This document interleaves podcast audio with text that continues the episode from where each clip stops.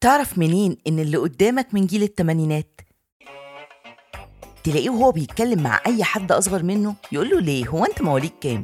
حاسس دايما إنه كبير كده وإنه بقاله كتير في الدنيا لما تقول له كلمة مصيف يقول لك ياه فين أيام المعمورة والعجمي وشط اسكندرية ولما تجيب سيرة المدرسة ما يفتكرش غير كيس السندوتشات اللي كان كمان مضطر يروح بيه عشان يستعمله تاني يوم ولما يروح الأفراح ويلاقي نفسه مش حافظ ولا فاهم الأغاني اللي شغالة فيقف يسقف وخلاص.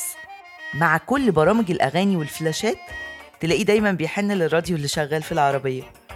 ولو هيقرأ يبقى يقرأ كتاب حقيقي مش PDF مهما ينزل مسلسلات جديدة تلاقيه بيحن لمسلسل لن أعيش في جلباب أبي ويستنى حلقة فرح سنية أنتوا متخيلين إن إحنا قدمنا لدرجة إنه بقى بيتقال علينا جيل الطيبين؟ أنتوا دلوقتي بتسمعوا بودكاست جيل التمانينات مع اوديوناليتي وأنا داليا الغزالي.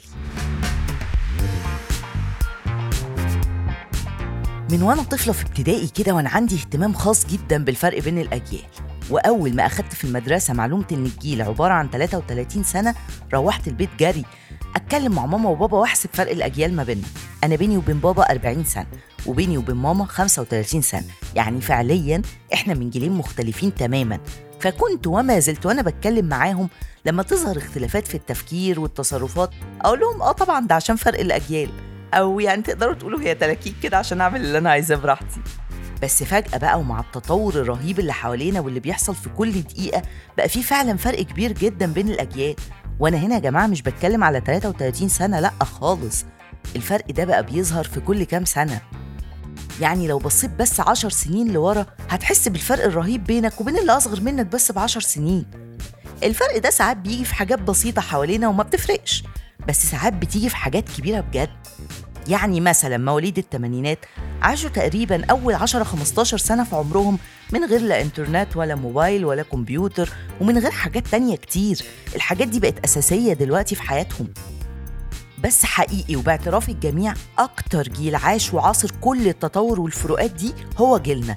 والله مش تحيز عشان أنا من الجيل ده. أنا أصلا كواحدة ست ما أحبش أقول خالص إني من مواليد الثمانينات أنا عايزة أفضل على طول عندي 25 سنة. بس فعلا الجيل ده عدى عليه كل حاجة. من أول التلفزيون اللي فيه قناتين لحد النتفليكس ومن الأتاري للبلاي ستيشن ومن أيام التليفون الأرضي اللي بقرص وكابينة الميناتيل للموبايلات اللي ما بقتش بتسيبنا لحظة. عشان كده قررت أطلع وأتكلم معاكم في البودكاست ده. فلو أنت من جيل التمانينات أو ما قبله فأنت هنا عشان تفتكر أيام زمان وتعيش معانا الحنين للماضي. أو زي ما بقينا بنقول عليه مؤخرا النوستالجيا. أما بقى لو أنت من الأجيال الجديدة فهو ده المكان اللي هتسمع فيه إزاي إحنا جيل التمانينات كنا عايشين حياتنا وايه التحديات اللي كنا بنواجهها في يومنا. مستنياكم في ال comments تقولوا لي إيه أكتر حاجات شايفين إنها فرقت زمان عن دلوقتي. ومستنية كمان في ال comments توقعاتكم عن موضوع أول حلقة هيكون إيه.